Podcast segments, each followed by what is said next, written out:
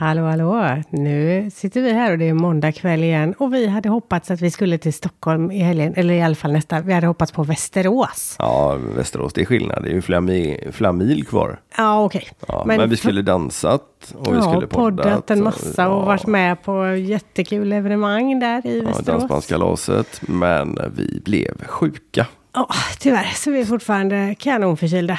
Ja, tre, tre femtedelar av familjen har legat och jag tror att en till börjar närma sig. Ja, ja, men vi kör lite podden då. Ja, ni får eh, ta tillvara på den vackra whiskyrösten som jag har. Och eh, njuta till Torgny Lindbäck sen istället. Ja. Och honom kom vi i kontakt med för att han är med och arrangerar Sverige dansar som vi ska vara med på. I Västervik i sommar. Mm. Precis. Bland annat och Ann-Charlotte Wacker och ett gäng till som ska hålla i en del kurser och i evenemang där som händer.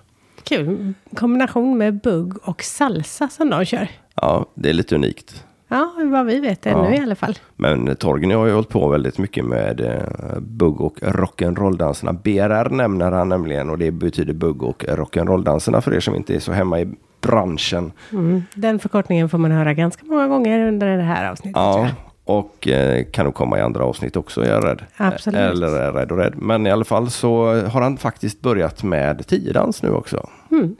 Och eh, går mycket in på dansen i sig och Ett lite nördigt avsnitt kan ja, man säga. men väldigt, väldigt intressant. Verkligen eh, superkul för oss som är lite nördar. Så jag vi hoppas att några av våra lyssnare också är lite dansnördar. Ja, och som sagt var, det gäller inte bara bugg och rock'n'roll. Så ni som eh, inte vet vem Torgny Lindbäck är, ni kan eh, lugnt luta er tillbaka och njuta. För jag tycker att vi eh, sätter på detta avsnittet istället för att de ska börja lida med våra röster. Det gör vi. Ha det gott!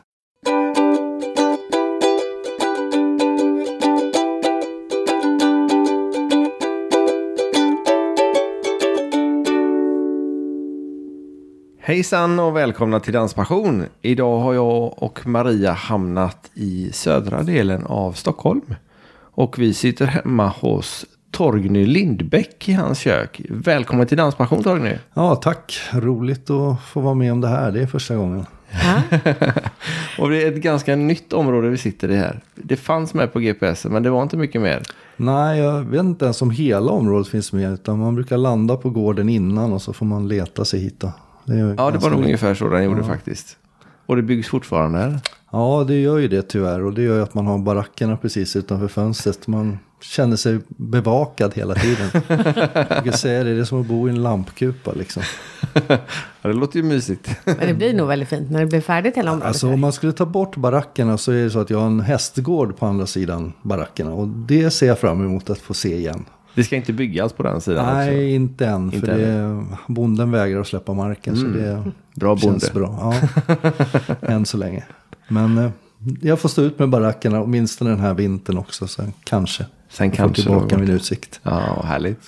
Och nu är det ju inte husen vi är här för egentligen, utan dansintresset som du har jättemycket du med. Ja, det har ju hängt med. Vad är det för danser du kör? Alltså jag kör egentligen alla danser och just nu så, så är jag lite inne på latin. Jag går och, och tränar lite för Tony Irving och Rolf Lindberg och så här. Så att jag försöker lära mig tiodans faktiskt. Och det, är- det är en utmaning, det är jäkligt kul. Det är annorlunda. Ja, och det är inte alls den dansbakgrunden du har egentligen. Nej, inte alls. Utan jag är ju ja, swingdansare i grunden. Min första tävling var väl egentligen på Lasse Kühler en gång i tiden. På 80-talet. Med ja, jitterbug som det hette då. Och därifrån har det utvecklats till ja, allt inom BRR-danserna. Så att det, det är väl egentligen där jag är hemma. Det har gått rätt bra för dig också om jag har hört rätt. Ja, det kan man väl säga. Men det får andra bedöma. Jag- Okej, men vi kan väl dra lite placeringar då. Ja, alltså jag har räknat någon gång runt 20 upp till 23 olika SM-tecken kan man väl säga att jag har. Eh, vunnit några svenska kuppen och så. Och det är väl mest boogie-woogie, rock'n'roll, lindy hop som jag har lansat då, då. Men jag har tävlat också i bugg och tänker starta om den karriären. Börjar Härligt. tävla nu på ålderns höst som det heter. På I- ålder så. så, ja. så lastgammal så. Ja, precis. Ja, men 56, då ska man ju vara gammal säger de. Men jag vägrar att inse det faktiskt. Jag, Och då är det bugg 35 plus A du hamnar i då? Nej, jag? då hamnar man ju C eftersom eh, jag var en gång i, i, i högre klass men eftersom man börjar med en ny partner och sådär så får man ju gå ner några steg. De ville att jag skulle börja R men då kände jag nej, där får gränsen gå faktiskt. Så C blir det då. Ja. Men eh, Och det blir två tävlingar på varje då. jag hoppas ju det. Det beror på om det är mycket folk men man kan Ja, inte säga att jag är bäst varje gång. Det vet ju inte jag liksom. Det är någon annan som bedömer det. Men jag hoppas två tävlingar som åtminstone får upp i B för det är lite roligare tempo. Det är ju det. Eh, Det är det. och A är ju ännu roligare tempo, men... eh, men Hur länge sedan var det du tävlade i bugg? Oj, 2006 tror jag. Ja, då kan det ju ha hänt en del ändå med Ja. vad man bedömer och sådär. Så är det ju, men eftersom jag tränar andra så, så tycker jag att jag har bra koll Ja. på vad, vad man förväntas. Och, och tänker att min skolade bakgrund, eftersom jag har gått på dansskola och dansat jazz och showdans och lite så här, så att jag kanske har lite mer rörelse än de flesta rena nybörjarna som börjar tävla i bugg idag. Du har dansat sånt också alltså? Även sånt som inte är pardans då? Ja, precis. Det är verkligen allt inom dans då. Jag har försökt i alla fall. Jag är väl inte jättebra på street och sådana här nyare danser och så. Men, men, nej, men jag tycker det är kul med, med rytmer och rörelse och, och liksom Ska jag gå ut och dansa socialt? Jag tycker det är jättekul att bugga, men det får gärna vara ett band som spelar något annat än traditionell dansband. Alltså lite mer rytmisk musik. Eh, Men annars, salsa och, och boogie-woogie brukar jag säga, det, det är väl de två danserna jag tycker är ballast att dansa socialt. Just för att det är rytmiskt och, och ja, man får leka med, med annat än bara gå i takt. Har, har du med dig resten av familjen också? Ja, min flickvän dansar ju, så att det, det är kul. Eh, så vi kan ut och, och prova på saker tillsammans och så. Eh, Lillgrabben har provat lite ballett och sådär, men efter ett tag så sa han, nej pappa, det här är inte riktig dans, för man håller inte i varandra. och det var ju positivt. Ja, just det. Men eh, han, det är lite fortfarande så, han är nio och lite det är killigt och man ska helst dansa street, det är coolt. Men eh, han, han kan inte sitta still så det kommer nog en dag. Men jag tänker inte pressa honom dit utan han får prova allt annat som jag har gjort. Ja. Eh, alla andra idrotter. Jag började ju egentligen inte med dans förrän jag var 23. För det var jag en hockeykille och fotbollskille och brottades och höll på med Sen allt tog du annat. ditt förnuft till fånga. Ja, ungefär så. men, men jag tänker också att det eh, gör att jag har hållit ganska länge. Eh, alltså rent fysiskt så, så man håller på med rock'n'roll här som en ganska fysisk dans. Så har jag inte gått sönder. Och jag höll ju ändå på med, med rocken tills jag var 47. Och det är den här dansen man eh, får lov att kasta? Kasta högt och länge, det tycker jag om. Okej. Ju högre ju bättre. Men alltså man räknar med att tjejerna är uppe på fem meters höjd. Och sen kommer de ju ner och landar på axlarna eller på ryggen. Eller Det känns kan jag tänka mig. om det går fel känns Även om det är en liten tjej. Ja. Så. Så är det ju. Alltså, man ökar ju lite i vikt när man kommer ner. Ja, något. Att, eh, men, för jag, jag älskar ju teknik.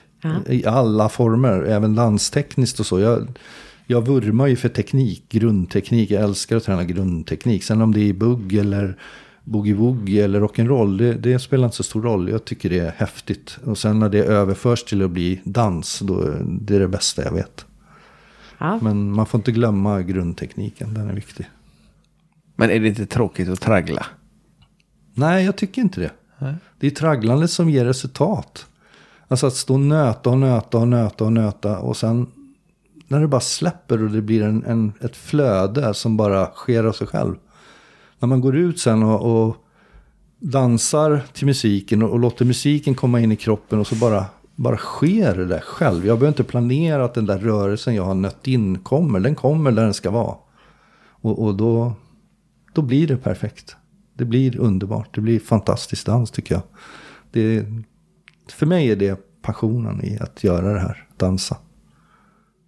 Så det, Då har vi ju redan kommit in på frågan vad är danspassion för dig? alltså det är ju att, att utföra. Alltså jag brukar säga så här. Vårt viktigaste det vi använder oss av är, är ju musiken. Finns inte musiken så, så finns inte dans. Så, så den är ju viktigast. Och håller man då på med tävlingsdans, då förstår jag inte varför det är inte är det första vi bedömer. Alltså att man dansar till musiken.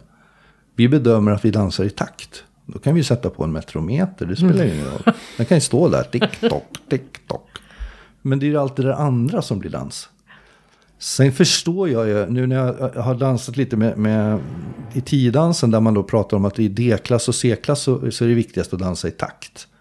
Och sen lägger man på dansen och då skiter man nästan i takten. Det är ju en väg att gå och det förstår jag. Det är ett sätt att bygga upp det för att vi ska klara av det. Fast jag vill börja dansa på en gång. Jag tycker det är roligare. Det måste man börja med första lektionen. Känna musiken, må i musiken, vara i musiken. Men det är inte lätt. Det är ju inte det. Vi tycker att vi lyckas ganska bra med det där. Men det funkar ju dåligt i C-klass för oss. Så det är väl takten som fallerar tror jag. Ja, något är det i alla fall. Ja, det, det är väl det som är det värsta med, med just dansen bugg. Jag brukar säga jämför den med, med golf eller bowling. När man tror att det kan det, då, då går det åt helsike. För då fattar man ingenting. Det är så det är. Ah, har vi fått en lösning på det också. Ja, jag, nej, men när du får den perfekta känslan av slaget i golf. Och du tänker så här, så här gör man. Sen går det inte. Sen kan den fara var den vill. Och det är lite samma så här, nu har jag fattat det här med bugg, du ska ut ut och tävla, nu ska jag göra så här, gör så här så blir det bra. Och så, nej. Det har vänt, det seglar åt andra hållet. Det, ingen gick vidare, ingen hände någonting, man fattar ingenting. Och det är väl en del av tjusningen också. Nej, då är det bara hem och träna mer då. Med grunder. Ja, träna. Sen, sen är det ju hela tiden så här, vad är grunderna då? Ja, just det. Det, det, det ni tycker och det jag tycker, det behöver inte ens stämma fast båda är rätt. Men det är väl olika syn på det. Så här, jag, jag pratade med en, en, eh, en duktig dansare en gång. Vi diskuterade ju så här, hur, hur ska man som domare bedöma eh, dans? Och hans inställning var ganska tydlig. Alla ska ha samma grund, gammal bakgrund. Vi ska titta på det på samma sätt och, och samma regelbok. Och då blir det bra dans. Och jag hävdar precis tvärtom. Att vi ska ha olika domare med olika bakgrund. Som gör att det blir en, en, en fantastisk palett av dans. Med olika insikter. Sen har vi samma regelbok och samma grund att titta ifrån. Alltså det här är, den här rutan är rutan bugg. Det här är rutan boogie-woogie. Och det ska vi ruta in det i. Men där inne måste det finnas en, en palett av olika färger. Och då blir det höftedans. Om alla domare tittar med exakt likadana ögon. Då blir det ju alla kommer se likadana ut. Och det tycker jag är tråkigt. Då kunde man ju ha bara en domare. Ja, då, då, då är vi ju där. Men, men nej, det blir för tråkigt. Det ska finnas olika färger, olika, olika sätt att se på samma dans. Men jag tycker fortfarande att man ska behålla karaktären. Det, det, den får inte försvinna liksom. Nej. Boogie ska vara boogie och lindy ska vara lindy. Även om det är samma steg. För, för tittar man liksom rent schematiskt, ta cha-cha och lindy hop. De har exakt samma steg, grundsteg. Men det är två olika häftiga danser. Och det tycker jag är viktigt. Så ska det vara. Går det ihop och blir en grå massa, då, äh, då har vi ju tappat liksom. Då blir det karaktären av dansen Ja. behöver ju absolut vara kvar. Ja, ja så så. Vilken klubb jag. tävlar du för? Eh, nu kommer jag tävla för, eh, nu ska vi se om jag kommer ihåg vad de heter, Norrköpings sportdansare. De är ju två föreningar, men ja, Norrköpings dansförening tror jag de heter. Okej. Det är en bit bort. Ja, men det är ju för att min flickvän bor där och där, det blir ju att jag åker dit på helgerna och där kan vi träna och det finns andra att träna med. Jag har ju hela mitt liv egentligen tävlat för Ebba dansklubb. Eh, idag har jag egentligen ingen anknytning till dem. Jag tränar några par där ibland så då, men det hänger mer i Norrköping och då kändes det bra att tävla för dem. Eftersom det är där jag är och där jag tävlar liksom. Men eh, ja, jag har ju tävlat för Swedish Swing Society en gång i tiden. För det var ju en avknoppning från Lasse Kühlers landskola från början. Så det var naturligt att gå dit liksom. Och sen har jag ju hört till Klubbmix Club Mix som det hette en gång i tiden. Det är väl också en avsomnad förening. Så när man började med rock då var det ju där man hamnade liksom. Så att, eh, ja, fjärde föreningen, det blir intressant. Se vad det blir. Men det är väl logiskt om man nu är där i närheten. Så att nyttja den Alltså, klubben. Jag tycker väl det. Att man, man, man dem. supportar dem och Mm. man är där och städar och hjälper till på alla andra grejer. Så det, det är väl lite roligt att, att tävla för dem också då. Absolut. Dansen, är det din hobby eller är det det du lever på? Nej, det är min hobby då. Jag har väl i, i perioder levt på det och, och bara varit danstränare. Så då. Jag, jag har även dansat professionellt och bott i Tyskland och, och så. Och levt på det liksom som, som dansare. Så det, det har ju också varit kul att testa och våga. Och jag har väl aldrig varit så ja, begränsad i det. Utan ja, jag flyttar dit det behövs. Alltså finns det ingen partner här då får man väl röra på sig. Om, om man vill någonting. Eh, och vill man prova och, och, och träna för de bästa tränarna, ja då fanns de i Tyskland så då flyttade jag dit. Eh, så jag har väl haft förmånen att kunna göra det liksom. Är det den flickvännen i Norrköping som du ska tävla med nu då? Ja, precis. Och hon, hon är ju B-klassad egentligen då. Så, att, eh, så hon får ju gå ner en klass. Och börja om då. Så, att, så det är väl lite ge och ta. Kommer ni att tävla i något mer än bugg? Nej, än så länge bugg då. Hon, hon är ju lite sugen på boogie-woogie men eh, jag är inte riktigt där än. Nej. Att jag tycker att det är det jag vill. Men vi får se, det kanske blir så. Mm. Eh, du har varit involverad i Danssportförbundet också, eller? Ja, det har jag ju varit i, i, i olika konstellationer. Eh, en gång i tiden vart vi inbjudna flera stycken att att gå som lärlingar för att bli utbildare. Eh, så att jag är ju utbildare också i de flesta discipliner eh, idag. Eh, och eh, har väl gått de högsta utbildningarna som finns då, HTU som det heter, högre tränarutbildning. Så jag har gått alla stegen och håller många av dem själv idag. Då. Eh, sen har jag även jobbat som förbundskapten under, eh, började under Ambrits Neman Kilgren då, som var förbundskapten under 90-talet, den första vi hade i Sverige. Så då var jag biträdande förbundskapten under henne i fem år och sen tog jag över själv då, då från 2000 till 2008. Och vad gör en förbundskapten? Ja, alltså idag är det väl lite annorlunda, men då var det ju så att man, man var ju ansvarig för, för laguttagning av, av alla discipliner. Så jag hade ju alla fem discipliner, så vi hade väl en 100, 120 dansare. Men då är det uppdelat så man har en lagkapten per disciplin. Så det är Ja. BRR-klasserna. Ja, som alla BRR-klasserna, ja precis. Eh, Så jag valde ju att ha biträdande förbundskaptener som då hade olika ansvarsområden. Så det fanns ju en för bugg, det fanns en för boogie-woogie, det fanns en för lindy och, och dubbelbugg som vi hade då också landslag i.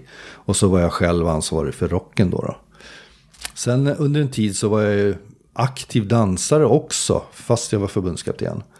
Men då var jag ganska tydlig med att jag tog aldrig ut mig själv. Utan det fick den biträdande förbundskaptenen i rock'n'roll då, som var en kille från Tyskland, Andreas Fricke. Han talade om så här, de här är, de som ska tävla. Och under den tiden var jag själv aldrig uttagen i landslaget. Eh, utan det, det var två andra par som var bättre än oss. Och, och så skulle det vara tycker jag. Utan bästa laget spelar så ska det vara. Så det, man satt ju på dubbla stolar, så, så kunde ju många uppleva och tycka. Då, men jag försökte vara väldigt tydlig med att jag aldrig tog ut mig själv och att jag inte hade några fördelar. Liksom. Jag fick inget betalt, eller, utan det var ett ideellt arbete. Liksom. Men det, det var spännande år, mycket resor. Jag hade väl som mest tror jag reste 44 helger per år. Så det var, Det är ju en del, ja. Ja, men det, det var kul då. Jag hade ingen familj hemma eller så, så att det, det funkade. Men eh, det, ja, det var jobbigt men roligt och man fick mycket nya vänner och fick se mycket fantastiska saker. Och jag fick en statistik skickad till mig från förbundet en gång och eh, under de där åtta åren, och det är jag rätt stolt över faktiskt, så eh, de paren jag coachade då, då i, i landslaget, de plockade in 170 medaljer på världskuppen och 180 medaljer på EM, VM och NM. Och sen ytterligare kanske en 50 medaljer på SM då. då. Så att 400 medaljer har de dansarna jag har varit inblandad i lyckats plocka hem. Och det, ja, det är lite kuriosa, det är lite Ja. kul att känna att man har bidragit med något förhoppningsvis. Det här med Härligt. landslaget i BRR-danser. Eh, är det då alla som tävlar för Sverige i respektive BRR-klass som är med i landslaget? Nej, man, man, då var det ju så att man var tvungen att tillhöra högsta klass för att få äh, bli uttagen i landslaget. Idag är det väl så att man går efter rankinglistan. Eh, jag, jag hade ju det som ett, ett riktmärke, rankinglistan. Fast jag visste ju också att var man ute mycket internationellt så hade man ju en, en annan... Den internationella sidan, alltså rock, boogie och Lindin då också, kanske dubbelbuggen då. Eh, de har ju en annan grundsyn på dansen. Det är lite annat reglement och så. Idag är det lite närmare i Sverige än vad det var då. Eh, och, och, då var det så att man kunde ju vara femma konstant på tävlingar i Sverige. Fast man var på pallen internationellt. Mm. Och, och, våra domare, nu sticker jag väl ut hakan lite då, men jag tycker inte att de är riktigt så välutbildade som man är utomlands. De som är utomlands, 98% av dem lever på dans. De driver dansskolor och, är danslärare på heltid. Eh, många av dem är doktorer och har doktorerat i idrott och dans. Mm. Det är ju inte våra svenska domare. Eh, om du tittar på de som är aktiva idag så skulle jag ju vända på det och säga 98% av dem har inte ens tävlingsdansat. Mm. Och då, det blir ju en annan grundsyn. Mm. Rätt eller fel, ja, men som förbundskapten har man ju ändå målet att vinna medaljer tycker jag. Det, det, måste vara grundmålet. Inte att vara med för att man är god och glad. Liksom. Sen, Då kanske till och med vi har chans. ja, fast jag, jag ska erkänna att det, det, fanns dansare under min tid som faktiskt var med för att de var goda och glada. De, de, var duktiga, det var inte så att de inte faktiskt ja, presterade. men, eh, men eh, de tillförde något till laget. Och då kanske det var viktigt också. Så att det är inte bara så här, ja men vinna medaljer, det var inte hundra. Utan det finns ju en mänsklig del hela tiden också, den får man inte glömma bort. Eh, jag vet att många tycker att jag kanske är väldigt hård i min syn på, på idrott. Det handlar bara om att vinna.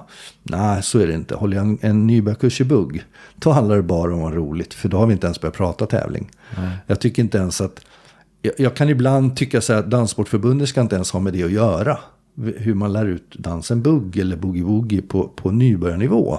Det handlar bara om att ha roligt och lära sig och hålla varandra i handen och gärna dansa i takt. Och, och det, det, det ska inte Danssportförbundet lägga sig i. Sen är det bra om vi har en gemensam grundsyn för att vi vill att de ska börja tävla en dag. Det är trevligt. Men alla ska ju inte det. De allra flesta gör ju inte det. Så. Nej, jag, jag, jag, brukar ibland, men vi diskuterar, för ibland kan ju många tycka sådär, ja men Danssportförbundets bugg, det är den enda rätta. Vi har ju lärt oss hur man för och följer och vi kan dansa. Ja, fast om man då tittar på Malung förra året, 55 000 unika besökare. Hur många har Danssportförbundet idag? 23 000 medlemmar. De andra som var där uppe då? 23 22 000 till. Vart har de lärt sig att bugga? För de flesta buggar ju faktiskt, eller mm. dansar fox. Mm. Vart har de lärt sig att dansa? Inte i Danssportförbundets regi uppenbarligen. Nej. Någon annanstans. Och de är faktiskt duktiga också.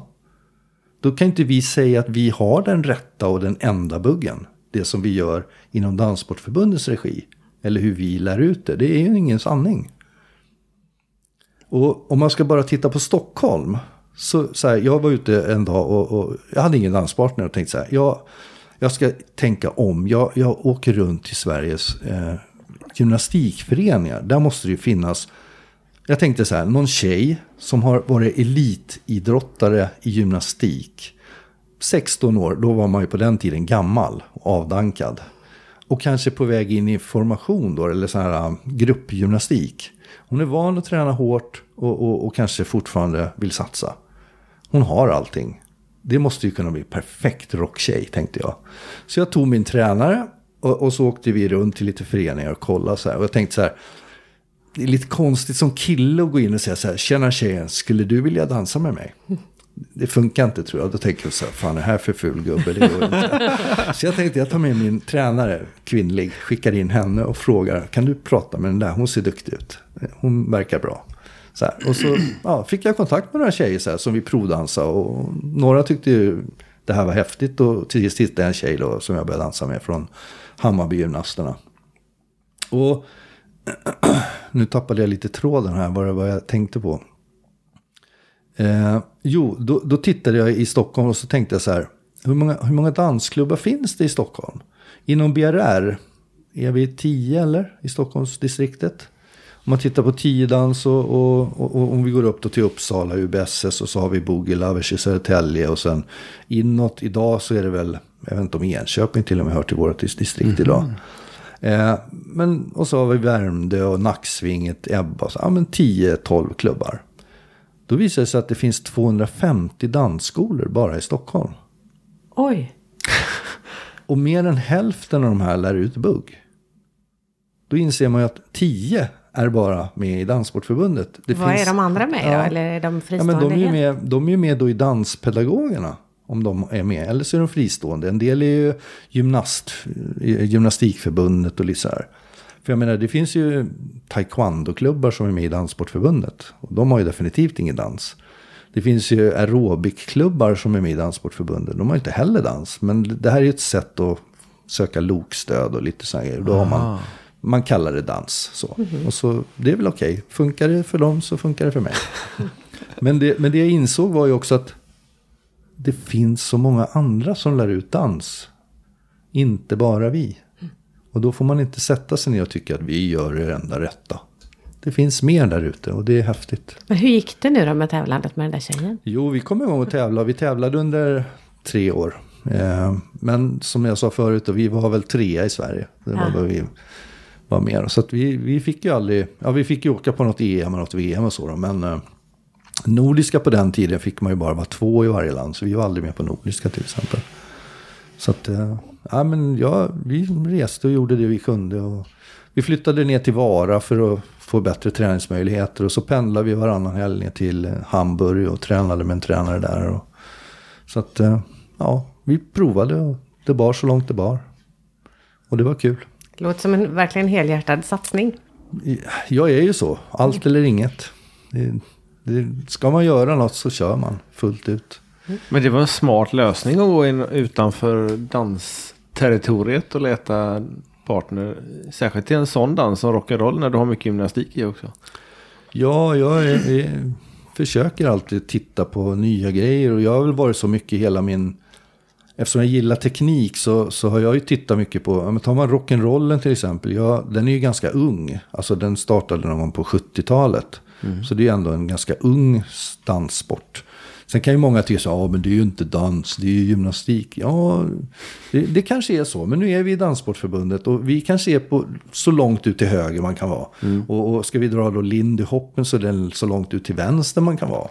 Och det är okej. Jag tycker att båda är häftiga. Eh, vi kanske skulle ha tjänat, eller vi om jag säger rockarna, kanske skulle ha tjänat på att vara med i, i gymnastikförbundet. Då hade de säkerligen kunnat vara olympiska redan.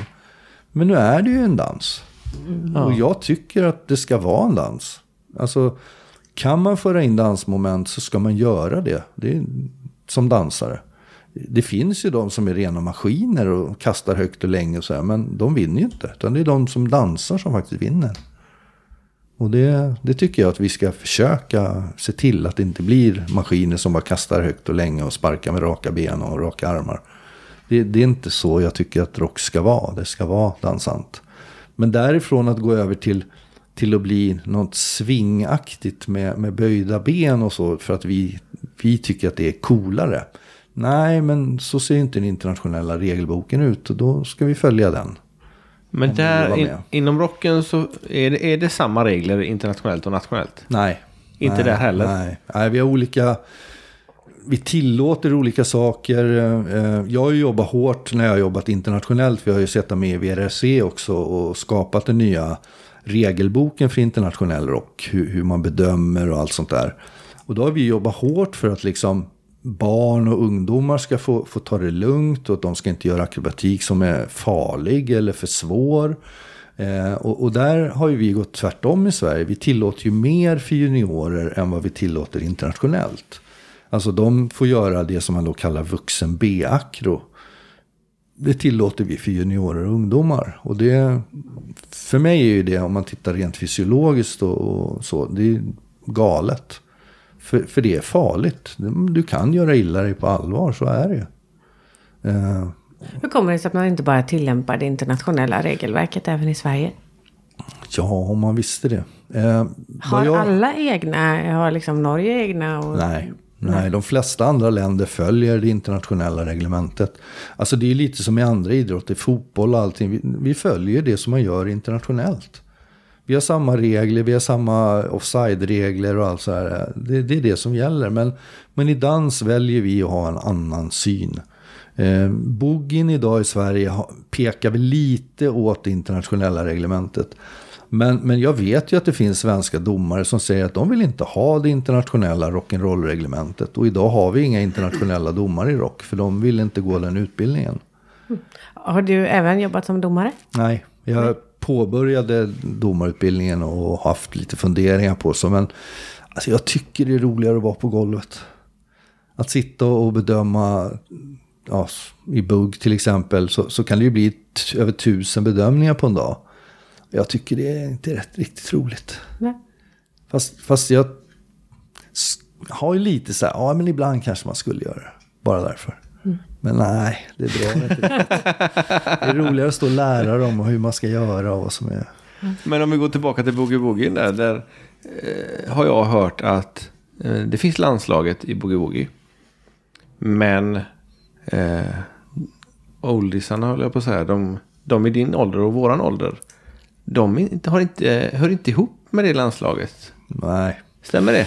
Så, så är det ju. De, vad jag har förstått får de inte ens vara med på landslagsläger och så. Och, och ryktet säger ju att man... De yngre eller vuxendansarna då, de tyckte att eh, de här oldiesgänget 35 plus tog för mycket tid av tränarna för de är inte tillräckligt bra på lägren. Och därför ville man inte att de skulle få vara med. Och då uteslöts de. Och idag finns det ju ingen satsning i Danssportsförbundets regi på äldre än en vuxenklass då. Eh, man lägger inga pengar på det. De, vad jag ser så har de egna jackor, de har egna lagledare och allt sånt. Och jag tycker att det är ett hån mot dansarna. För, för om, man- om man pratar diskriminering, vi, vi, vi får inte ha det när det gäller etnicitet, religiösa saker, vad det var för sexuell läggning eller någonting. Men ålder får vi tydligen diskriminera. Det är verkligt. Mycket, mycket märkligt. För, Verkligen. Och när vi har varit på danstävlingar, det är ju faktiskt 35-plussarna som är de största grupperna som tävlar idag. Man, man borde idag komma ihåg att 35-plussarna, vi vill ha in barn till våran idrott. Och det är de som har barnen, det är de som betalar. Precis. De diskriminerar vi, det är jättemärkligt. Och, och om jag tittar internationellt på, på 35 plus, eller oldies vad de nu kallas, så är ju de jätteduktiga. Alltså de har ju bra träning. De är, om, om jag jämför slowrundan till exempel så tycker jag ju att de äldre har en mycket snyggare och vackrare hållning och utstrålning och ett, ett beteende på golvet. När man sätter på sig en, kanske en slimmad klänning som tjej, en schysst kostym som kille. De, de kan ju föra sig i de här kläderna. Jag kan ibland tycka att de här unga tjejerna som kommer upp, de, de är ju lite valpiga och det ska de väl vara. De, alltså om man kommer upp som, från 17 tills du blir 18 då ska du helt plötsligt dansa vuxenklass. Och har du varit duktig som junior, som många är då, då kliver de ju rakt in i en final. Men de kan inte dansa slow. Det blir lite, ja vad ska man säga, ja, det blir ju valpigt, det blir dåligt, det blir tafatt. De har inte den där grasen och det vackra inom dansen som jag tycker att en slowrunda kan vara. De har inte det. det. Det tar några år att lära sig att dansa i högklackat och dansa i en, en klänning där du kan föra dig utan att sära på benen och bressa. Och, för, för har du dansat snabb boogie, det är en sak. Men långsam, det är en helt annan dans. Och det tar år att lära sig. Och det har de inte, tyvärr. Jag tycker inte det. Och då, nej, jag tycker det är fel att man diskriminerar de äldre.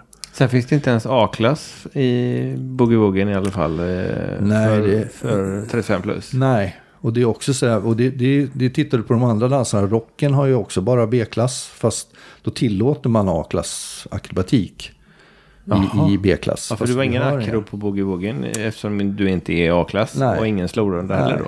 nej, då tar man bort det. Och det, det gäller ju samma i buggen. Eh, idag, Nationellt ska vi säga. Nationellt, ja, precis. Eh, och, och då, där har du ju till exempel i buggen där, där, där vi har nu öppnat en klass som heter 55.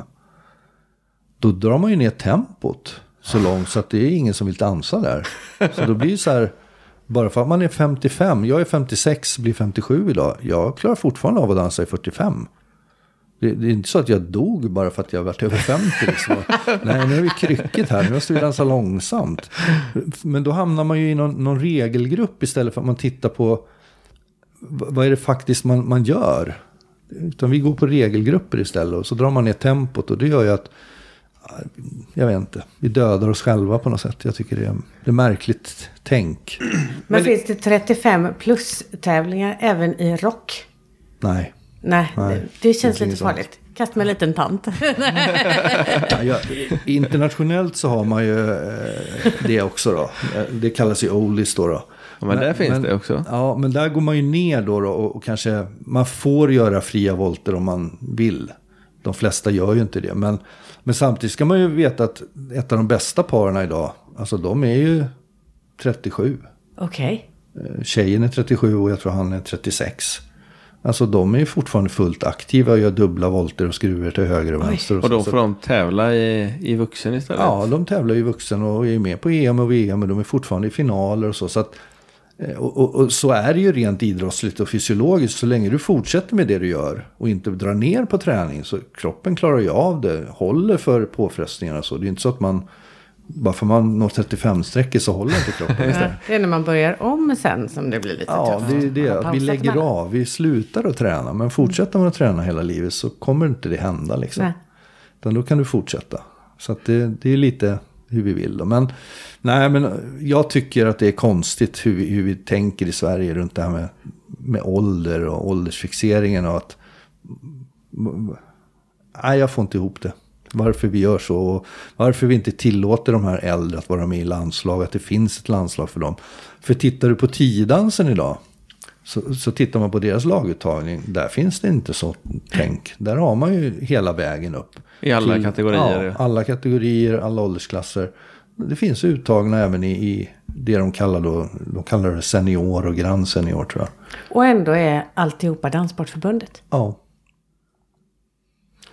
Ja, det är märkligt. Men sen, sen tycker jag nog att det borde finnas en möjlighet, eller jag vet inte om, jo jag tycker det, men om det är lämpligt att man kan, om man hamnar i A-klass eller en högre klass, att det går dåligt, att man blir nerflyttad.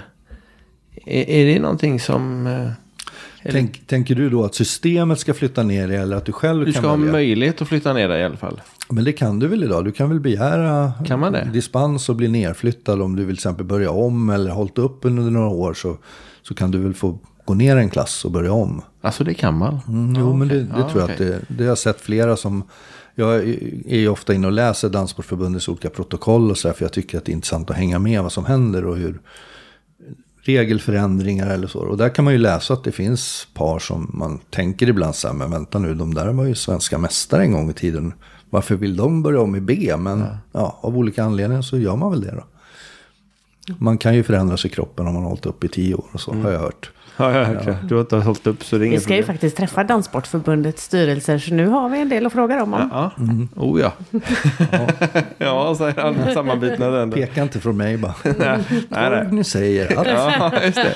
Nej då, vi har faktiskt fler bakom oss som säger att. Så att. Men eh, du håller på med någonting som heter Sverige dansar också. Ja, det är ju ett litet skötebarn sådär som vi har hållit på nu. Det är elfte året vi, vi kör nu i sommar. Då. Eh, och det är ett samarbete med, eh, det är väl egentligen Västerviks kommun då som driver Lysingsbadens camping då, eller resort som det heter numera. Så de eh, står ju för arrangemanget. Eh, de är pengarna kan man väl säga. Eh, har alltså lokalerna, boendet, maten och står för dansbanden och allt sånt där. Sen jag tillsammans med eh, Stockholms salsadans som det har eh, Rika Antori som då står för mm, latindelen då, om man nu ska kalla det så. Eh, och det är ju bachata, kizomba och semba tror jag är någon ny dans som kom in i år som ska vara med. Och så salsa då framförallt. Så de står för den delen och jag står för swingdansen då. Eh, och det är alla danser inom swing. Vi försöker, försöker ha med någon ny dans varje år som vi hittar någonstans. Och förhoppningsvis en lärare också som vill vara med och hjälpa till. Så det, det är kul. Vi kör alltid sista helgen eh, vecka 26. Torsdag, fredag, lördag. Och eh, vi, på de tre dagarna så kör vi 60 olika workshops. Hälften latin och hälften swing. Okej.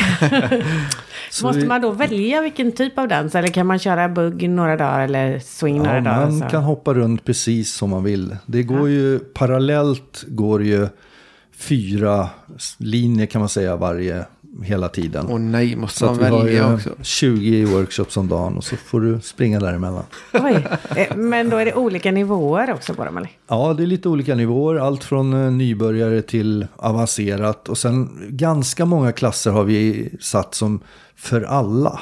Så att det inte är liksom nivåanpassat. Utan vi försöker, ha, har vi till exempel en stylingkurs. Så, så försöker vi lägga oss på en nivå där man kanske kan, ja men om du börjar med att du gör en, eh, en, en fotövning till exempel, en kickball change kan vi kalla det.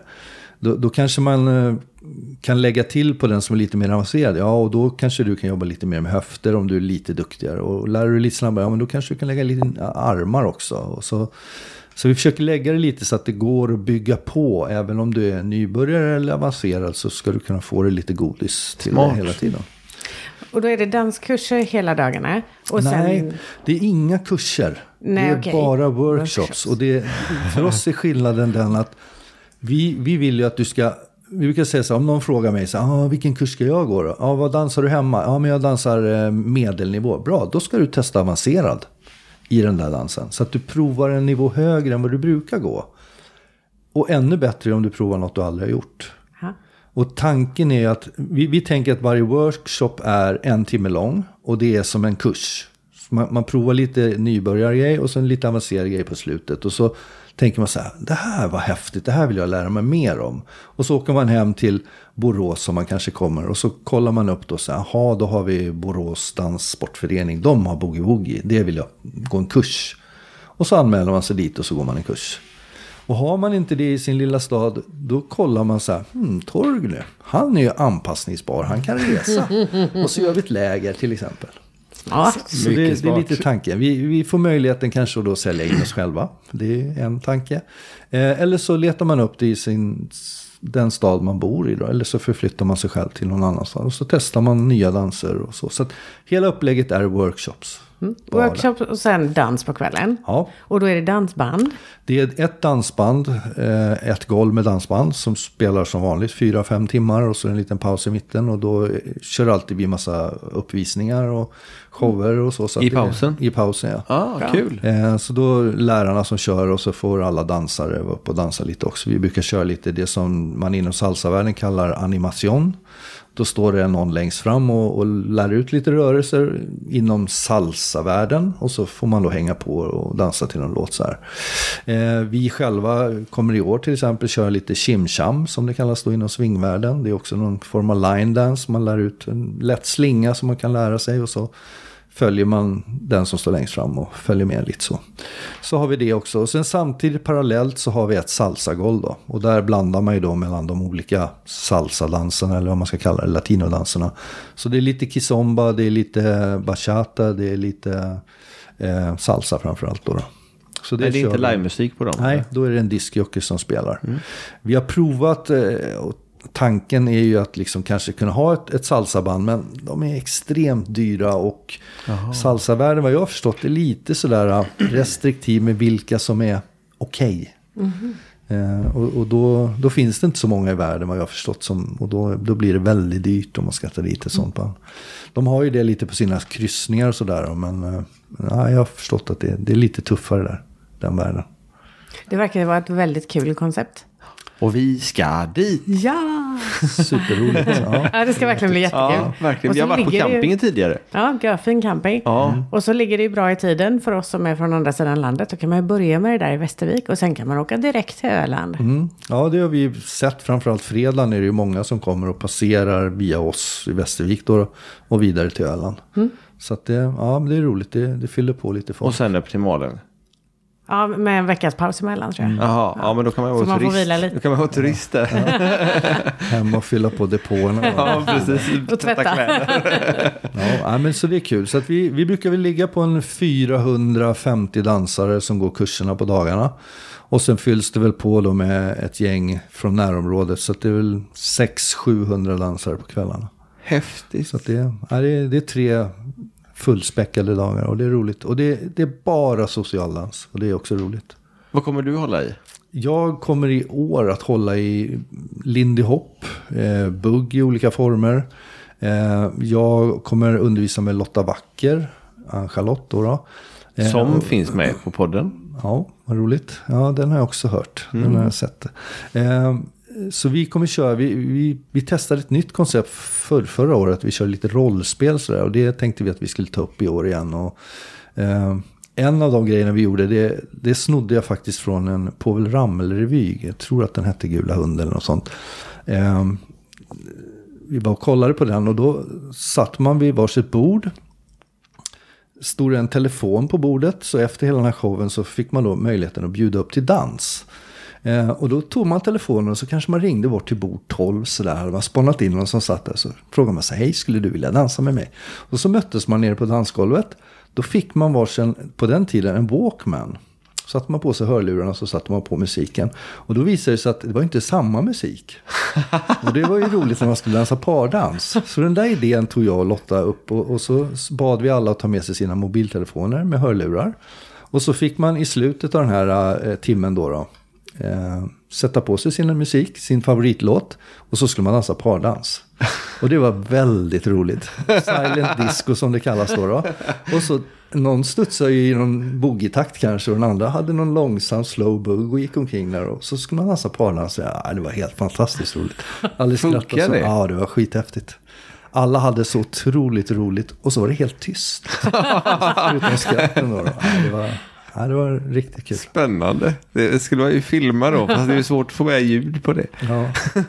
Nej, men det, det var intressant. Fick man avslöja sen efteråt vad man lyssnat på? Ja, om man ville. De, okej. Vi böt ju efter en stund då, och så Ja. fick man prova med någon ny partner. Och då kanske någon hade hårdrock och dunkade runt där. Och, nej, det var riktigt kul. Vi, vi, innan det hade vi kört lite rollspel och de fick då ta olika lappar. Eh, och då kunde det stå att den ena skulle vara ballerina och den andra skulle vara grottman till exempel. Och det var också spännande. Ballerinan var släpad i håret. Nej, inte riktigt så. Men axlarna och så. Nej, det var också kul. Så det är lite av de grejerna jag kommer göra i år. Och sen kommer vi ha lite styling i olika former. Eh, Lotta och jag har ju båda gått på Lasse Kühl och dansat jazz och showdans ihop. Och, eh, så vi tänkte vi skulle, vi skulle ta in våra, våra bakgrunder lite. Så det kanske kan bli lite hatt och käpp och lite så. Och, och hitta lite nya uttryckssätt i, i, i sättet att styla på dansgolvet. Häftigt. Ska bli jätte, Det är jättekul. alldeles för länge kvar känner jag. Ja, man tittar på snön här också. Så. Sen är jag lite nyfiken på vad du lägger i begreppet socialdans. Ja, hur tänker du då? Jo, vi har ju hört Tonys eh, variant, Tony Irving, eh, vad han anser är socialdans. Det är ju när man är typ på krogen och det är ett dansgolv och ett band. Eh, är det ungefär samma som du tänker eller är det bara att man byter partner? Eller vad är det som kännetecknar att det är just socialdans? Alltså jag tycker att det är så här. Äh, socialdans för mig, då, då har du ju tillåtelse att göra vad du vill. Du får blanda vilka stilar du vill utifrån din egen erfarenhet eller kunskap. Eh, och och det, det handlar bara om att ha roligt. Alltså, jag brukar säga det när jag undervisar på socialdans, att som kille så är det ju bara intressant. Det finns ju bara en enda tanke med dans. Och att få dansa. Och det är för mig att få dansa en dans till. För får jag det, då har jag ju lyckats. Om jag, den här tjejen vill dansa en dans till med mig, då har jag ju varit duktig. Då har jag ju gjort det jag ska. Jag har fått henne att förstå vad jag vill. Eller jag har gett henne tillåtelse, om vi nu ska kalla det så, att göra det hon vill. Och, och vi tillsammans gör det här ihop. Och det, det, det, det funkar. Jag för och hon följer. Och ibland kanske hon för och jag följer. Det kan vi också tillåta. Det, det är ju den enda grejen med dans. Men om man går över till tävlingsdansare så tycker jag ju att det ska inte finnas en enda socialdansare som tror på allvar att de kan slå en tävlingsdansare på tävlingsgolvet. För en tävlingsdansare är något helt annat. De är så mycket bättre på allt. Men det betyder inte att de är grymma på socialdans. För det, det är något annat. Det är två olika saker för mig. Och, och socialdans handlar ju bara om liksom, känslan för låten, gillar det här. Och att, att göra det tillsammans med någon annan, det är ju fantastiskt. Om vi gör det i harmoni och det bara flyter. Jag brukar säga det ibland. Ibland kan man ju vara på ett dansgolv och, och alltså man kan uppleva det här, jag brukar kalla det vardagskärlek. Alltså man kan bli kär i en tjej på dansgolvet. Det har ingenting med sex att göra. Det har ingenting med något annat än passionen för musiken och det vi upplever tillsammans. Där och nu. Och det kan göra, att man kan dansa med tjej en hel kväll. Man har inte ens tittat på varandra. Man, man, bara är nära varandra och man dansar, och man är i låten och, och det är helt fantastiskt. Och sen går man därifrån och så kanske man aldrig dansar med den där tjejen igen. Eller så upptäcker man någon annan gång, åh hon är här igen. Och så dansar vi. Och då kanske inte ens upplever samma magik. För det är inte rätt låtar, det är inte rätt känsla. Det kanske bara uppstår då. Och det är helt underbart. Mm. Det är väl då den där danshöga känslan uppstår som folk ja, pratar om. Det man i idrottsvärlden många gånger kallar om gå in i tunneln eller flowet. Eller, mm. eh, och det upplever man ibland. Mm. Och, och, och, det blir man kär i. Fast det har ingenting med något annat än, än, än dansen att göra. Och det, nej, det är häftigt. Det är en danspassion. Mm, absolut. Ja. Om man ville gå kurs för dig någon annanstans, var hittar man och följer vad du eh, åker på för någonting? Alltså just nu är jag nog runt lite överallt och, och, och, har små workshops här. Imorgon till exempel kommer jag vara i Enköping hos Ena Bugg och Sving och träna deras tävlingsdansare. Eh, innan jul här var jag några gånger borta i Västerås hos Marionetterna och tävlar, tränar dem, deras tävlingsdansare. Det blir mycket tävlingsdansare just nu. Sådär. Och det blir väl ännu mer när vi närmar oss SM. Då, då vill ju alla finslipa och så. Då. Eh, socialdans, ja just nu har jag varit lite i, i Norrköping och kört lite där, lite prova på och så. Då. Eh, jag har haft en del kurser ute på Dalarö och då blir det ju ren socialdans för det är en socialdanskurs eller klubb. De har inga tävlingsdansare. Så att, eh, det är mest i denna sidan av landet låter det som. Ja, just nu är det så. Mm. Eh, det där går lite i vågor tycker jag. Att ibland får man en fot in någon annanstans och då, då är man där mycket liksom. Sen har jag ju valt lite så att jag, jag vill inte hålla på jättemycket just nu. Dels har jag en, en lillkille som är nio år. Han testar olika idrotter och då ska man vara idrottsfarsa och vara med på fotboll och det är pingis och det är simning och, och då är man med honom lite. Mm. Eh, under hela förra året så la jag hela mitt eget liv på att göra en svensk klassiker. Och då, då tog ju det upp tid liksom. Det var, den här tiden var det ju skidåkning, det var jaga snö. För man skulle åka Vasaloppet. Och direkt efter det så var det ju liksom sätta igång och cykla för det var ju Vätternrundan sen. Och den var ju veckan innan Västervik. Och sen var ju Västervik och då är det ju tid till det man ska förbereda. Och så veckan efter då var det ju Vansbrosimmet. Så det var ju i Västervik, varenda ledig stund så var det ner i havet och känna på kylan i vattnet. För att vänja sig vid Vansbro. Sen hade jag ju tur, det var ju 22 grader i vattnet i Vansbro så det var ju varmt. Aha. Det var ju så att man nästan fick ta av sig den där våtdräkten för man kokade istället. Och sen när det var klart så var det ju bara att förbereda sig för eh, Lidingöloppet. Eh, och efter Lidingöloppet så har jag haft problem med en hälsena. Så då bestämde jag för att nu måste jag ta tag i den där hälsenan. Och då visade det sig att när jag röntgade den att eh, du har ju gjort allt det här med en halvt avsliten hälsena. Som du har lyckats kurera mm. under tiden. Hur kunde du springa Lidingöloppet frågar de mig. Ja, jag sprang baklänges upp för alla backarna tills benen inte orkade längre. Och när jag hade klarat alla målsnören då gick jag med stela ben tills jag tog mig i mål. Det skulle göras och då gör man det. det... Tjurskallighet. En sann idrottsman där. ja, precis. Men eh, nu handlar det om att rehabilitera. Ja. Då gick jag och ramlade på jobbet för två veckor sedan. Utför en trappa. Så jag spräckte skallen. Så jag, Aha, det är det. jag trodde du sysslade med boxning. Ja, nej, jag har åtta stygn i pannan och så har jag en armbåge som har gått av. Så den kan jag inte räta på. Den sitter där. Så då, Vad jobbar du med? Ja, jag jobbar som lärare i skolan. Fredligt jobb, eller hur?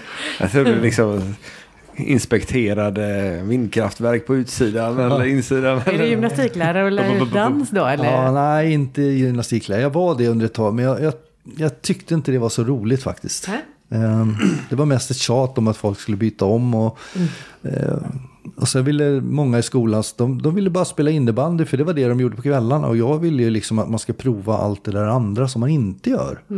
Ehm, Så jag, jag försökte samarbeta mycket med, med föreningar runt eh, skolan då. Så att få in fäktning och de här udda idrotterna, de små idrotterna som man aldrig får prova. Cykling och baseball och lite så då. Men Det låter ju skitkul. Det hade inte vi på våra gympalektioner. Nej, ja, jag, jag, jag gillar ju sånt. Och jag, jag tycker ju liksom att våra dansare ska hålla på med många idrotter så länge de kan. Att man inte bara går in i, i, i en, en dans och, och gör det när man är ungdom. Liksom. Och så är man trött på det när man är... Jag kan ju uppleva många gånger att dansare kanske pensionerar sig innan att de fyller 25. För då har de gjort allt. De har rest runt hela världen och tävlat jättemycket och så här. Och sen när de är 25 då, då är de mätta. Och det är ju helt galet. Deras värld har ju inte ens börjat. Nej. Så det, nej, jag tycker att testa allt du kan. Och, och det pushar jag min grabb till att göra. Att prova många olika idrotter, fastna inte för fort. Och fastnar han så gör han ju det. Men, men eh, vill han prova något annat en dag, då självklart ska han göra det. Tills han hittar in i dansvärlden. Ja, just det. Är det någon det dans sådär som du ännu inte har testat som du ändå är lite sugen på? Nu har du just börjat med tio dansare. Ja, en, en av de danser vi kommer ha med i år eh, i Västervik är blues. Eh, och och det, blues kan man ju säga är slowdans. Ser ut som eh, långsam lindy eller boogie-woogie. Men så finns det ett underbart inslag som, som man kan se mycket på om man tittar på, på videos. Och det är tango. Då har de blandat i, i den här, de här tre danserna. Så då ingår tangon också. Och det är jag lite sugen på. Tango verkar så häftigt. Det är så mycket känsla och ja, passion. Det är häftigt. Mm, tango är det jag många har som testat pratar om. lite på, på tiodansen. Men den är ju lite mer Mes- styrd. Mesig. Ja, lite mer så. ja, nej, men på nybörjarnivå så blir det ju steg, steg. Ja.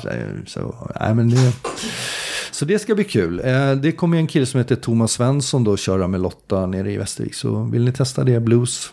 Och jag har sagt att det ska vara tango i. Ja, Där har vi en, en, en liten schism i Sverige kan jag säga. De som dansar blues i Sverige, de tycker inte tango hör dit. Medan internationellt ska tango vara där. Och jag tycker att tango ska vara där. Så då har vi sagt att det ska vi ha. Jag förstår inte varför man måste uppfinna hjulet en gång till när reglerna ändå finns, även inom bugg och rock'n'rollen, att eh, använda dem i Sverige också. Det är ju färdigt. Ja, det är mycket enklare. Ja, och sen vi- för de som tävlar både nationellt och internationellt, då behöver de inte ha två program eller Nej, träna om det, sig. det är ju så de svenska boogiedansarna upplever Ja.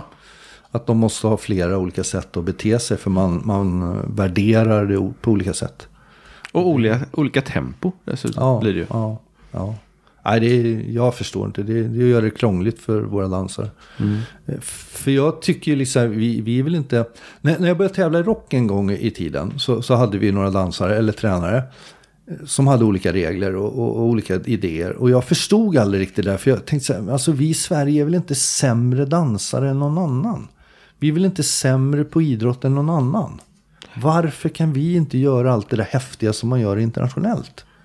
Så då åkte jag ut och så testade jag några internationella dom, eh, tränare och så upptäckte jag så här.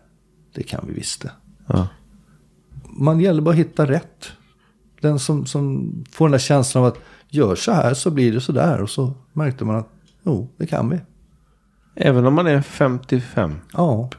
ja varför skulle de inte kunna det när man är Nej. 55? Det är Nej.